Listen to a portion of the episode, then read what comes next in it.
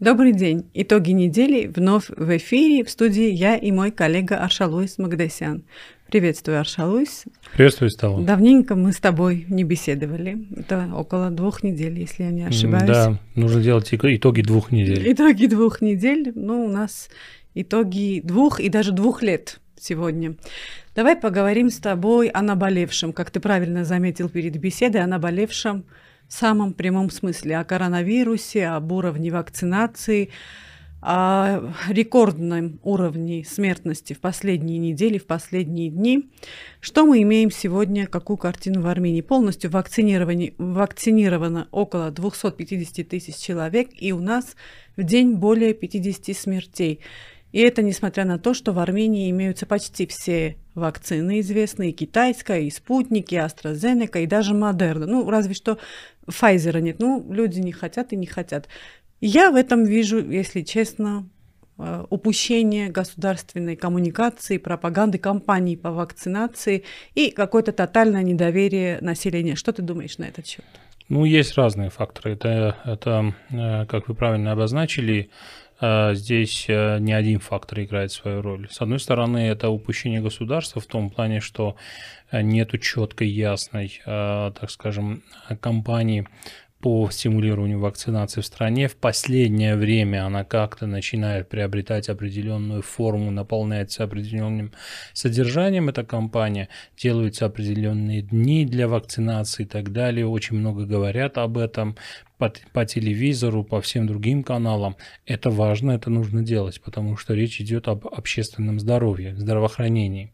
С другой стороны, это, конечно же, упущение коммуникации, это, конечно же, упущение в целом государства в том плане, что когда государство принимает определенные решения, решения, связанные не только с вакцинацией, связанные вообще с соблюдением э, тех мер анти, антикоронавирусных и так далее, которые государство принимает, их нужно безукоризненно, так скажем, имплементировать. Потому что когда у тебя двойные стандарты, когда где-то носят маски, а где-то не носят. Чиновники, например, когда, иногда не да, носят. когда чиновники выпускают определенные там приказ, что где-то в определенных местах они могут не носить, где-то могут носить.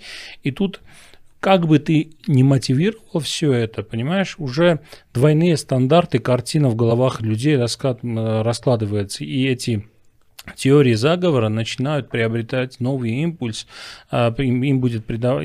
получают новый импульс и начинают все раскручиваться еще, еще сильнее. Потому... На этом также набирают дивиденды некоторые группы и политические силы. Ну да, конечно. Ну вообще антивакцинационные, анти, анти вот эти кампании, да, противо, против вакцины, против вакцинации, они имеют свою почву и они ведутся не только в Армении, конечно, нужно ради справедливости все это сказать, это, это и в других развитых странах. Но э, такого уровня с одной стороны, рвение нации, Армении, как государство, сказать о том, что мы вот цивилизованное государство, там строим, я не знаю, государство европейского типа и так далее, но с другой стороны, такого, такого низкого уровня, а, такой низкий уровень вакцинации, а само собой говорит о том, что вот у государства как говорится в известном этом самом а, произведении, где-то что-то а, пошло не так, да. Вот если продолжить эту мысль, где-то что-то пошло не так. Это показатель того, что люди не доверяют власти. Люди не верят в то, что вакцины безопасны. Ну, это может быть в, в общем такая картина по всему миру, но в Армении, по-моему, это конкретно связано с недоверием к власти и к, правящим э, чинам, так сказать. Это недоверие также углубилось после войны, как по-твоему? Есть какая-то связь? Ну, конечно же, недоверие углубилось после войны. Это, это же очевидно. Недоверие к коммуникации тоже, недоверие информации, которую предоставляют власти. Часто люди, те, которые особенно не хотят верить, они ссылаются на то, что вот во время войны тоже нас врали. Мы, вас, мы да, вам да, верили? Да, да, да, да. И все такое. Ну, это, конечно же, понимаете, то есть э, человек, если не хочет вакцинироваться, ну, с другой стороны, этот, этот этот компонент э, в обществе тоже есть. Он будет ссылаться на все самые разные там почвы, предметы, э, причины и так далее, чтобы не делать это, эту вакцину и отстоять свою точку зрения. Но нужно понимать, что у нас 50, между этими разговорами каждый, каждый день 50 человек умирает. Это во время войны у нас максимум, то есть э, примерно среднестатистический день мы завершали военный день э, потерями в 100 человек. То есть мы фактически сейчас находимся в войне. Это нужно понимать. 50 человек каждый день умирает в муках. Да. И э, здесь нужно, чтобы и государство не медлило, и государство, так скажем, не терпело всякого рода а, противовакцинные, так скажем, а, кампании под, э, под лозунгами, под, под соусом, что там мы выступаем за э, там права человека, за свободу слова Слово. и так далее и тому подобное. Никакого свободы слова здесь нет. Здесь есть самая главная ценность – это жизнь людей и эти жизни нужно сохранить. И общественное здравоохранение. Конечно. И если э, ты делаешь вот такие упущения, сквозь пальцы смотришь на это, значит, ты терпишь то, что у тебя погибают там каждый день вот несколько десятков человек, и просто ты смотришь. А, теперь о политическом немного после грустного, хотя и в политическом плане, скажем так, не особо радужная картина. Недавно в Армении прошли местные выборы в органы э, местного самоуправления, и у нас довольно интересная, если не сказать поразительная картина, учитывая, что в июне на парламентских выборах правящий гражданский договор набрал 54% голосов, а теперь у нас поражение сразу в трех из четырех крупных муниципалитетов. Что это означает? Означает ли это, что люди просто пошли с холодной головой и оценили всех по заслугам, эйфория прошла, и эмоции как-то сели, и всех оценивали просто по заслугам? Нет. А здесь вопрос, выбор здесь э, не носил столь ярко выраженный политический характер общегосударственного масштаба. Здесь вопрос, э, люди вообще и на выборах, общества. И во время вот этих, а, я не знаю, я имею в виду общих парламентских выборов и во время муниципальных выборов, выборов они делают очень рациональный выбор. Во время парламентских выборов они, они выбрали так, как они выбрали, потому что у них были вопросы к оппозиции и к власти, и оппозиция им не предложила никакую реальную альтернативу, никакую реальную картину, которая бы совпадала с их мнением или убедила их в том, что у оппозиции более реальная картина или более, они, она более убедительна. Что касается этих выборов, эти выборы не, не связаны, результаты этих выборов, о, рассуждая о результатах этих выборов, нельзя делать какие-то там рассуждения, умозаключения относительно вот выборов, выборов парламентских. То есть, что спало доверие Почему? по отношению к гражданскому? Доверие может спать, то есть mm-hmm. доверие может идти на спад, но здесь э, вопрос в другом. Люди здесь выбирают чиновника местного, который будет решать определенные вопросы местного значения, будет провести там водопровод, заниматься жилищным mm-hmm. хозяйством, фондом, да, э, там э, квартирным фондом и так далее и тому подобное. Прагматичный выбор. Про... Да, это, это выбор, с которым, то есть это, это вопросы, с которыми они будут сталкиваться каждый день. И они выбирают человека, которого знают который может, по их мнению, с этими а, вопросами справляться. А если власти на местах не выдвигают людей, которые способны решать эти вопросы, которые внушают доверие, которым есть доверие у населения, они проигрывают, естественно. Где-то они выдвинули человека, который выиграл, потому что у него к нему было доверие, а где-то проиграли.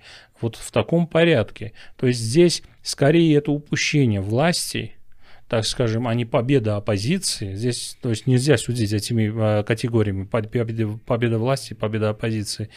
Упущение власти, что они, э, так скажем, вдохновляясь итогами парламентских выборов, думали, что вот да, политический, политический антураж, что вот АПГК, там есть будущее этими так скажем, аббревиатурами и этими лозунгами, они под этим соусом а, сделают так, чтобы или смогут достичь тех результатов, которые достиг, которых достигли во время парламентских выборов. Нет, автоматически этих выборов, результатов не достичь, потому что люди на местных выборах проголосуют, а при, а, идя, на гол, идя на выборы, голосуют исходя из определенных мотивов, исходя из одних мотивов, а во время парламентских выборов общегосударственных, исходя из совершенно других мотивов. Ну, некоторые результ... эти результаты выбора связывают, например, конкретно с фигурой Никола Пашиняна. Они говорят, вот не было Никола Пашиняна в самой кампании, его не было видно, и вот мы имеем то, что имеем, э, учитывая тот факт, что гражданский договор – это прежде всего фигура самого премьер-министра. Я с этим тоже не согласен, потому что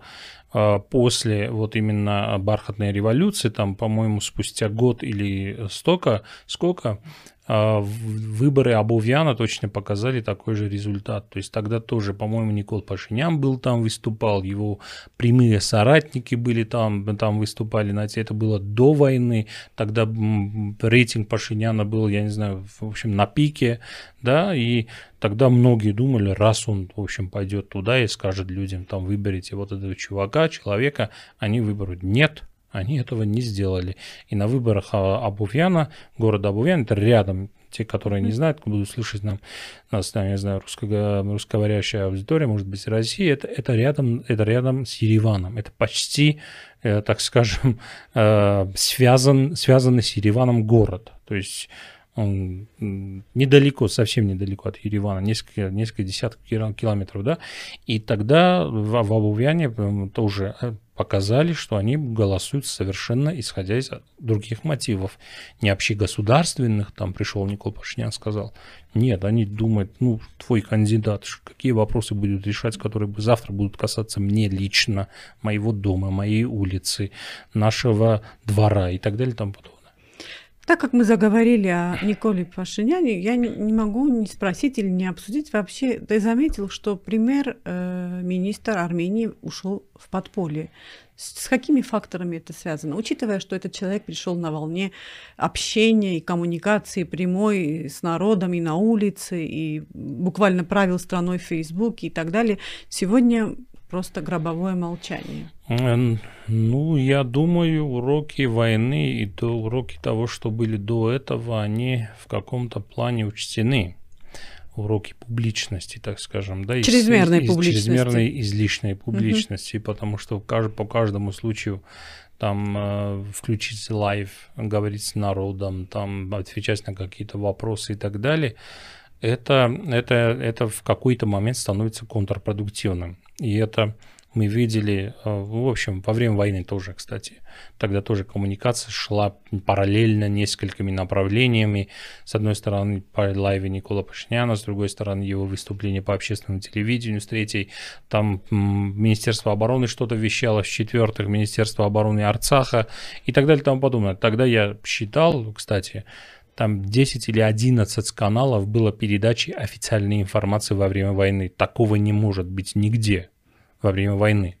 И, я, и это был показатель того, э, насколько плохо работала наша коммуникация с обществом, кому верить, чему верить и так далее. Да. Если мы запутывались, то есть это какой мы источник, представители медиа, да, да. это какой источник, как с этим работать, а что в обществе творилось тогда, сколько тезы шло в, в, в общество, да, и во время во время военного положения, кстати.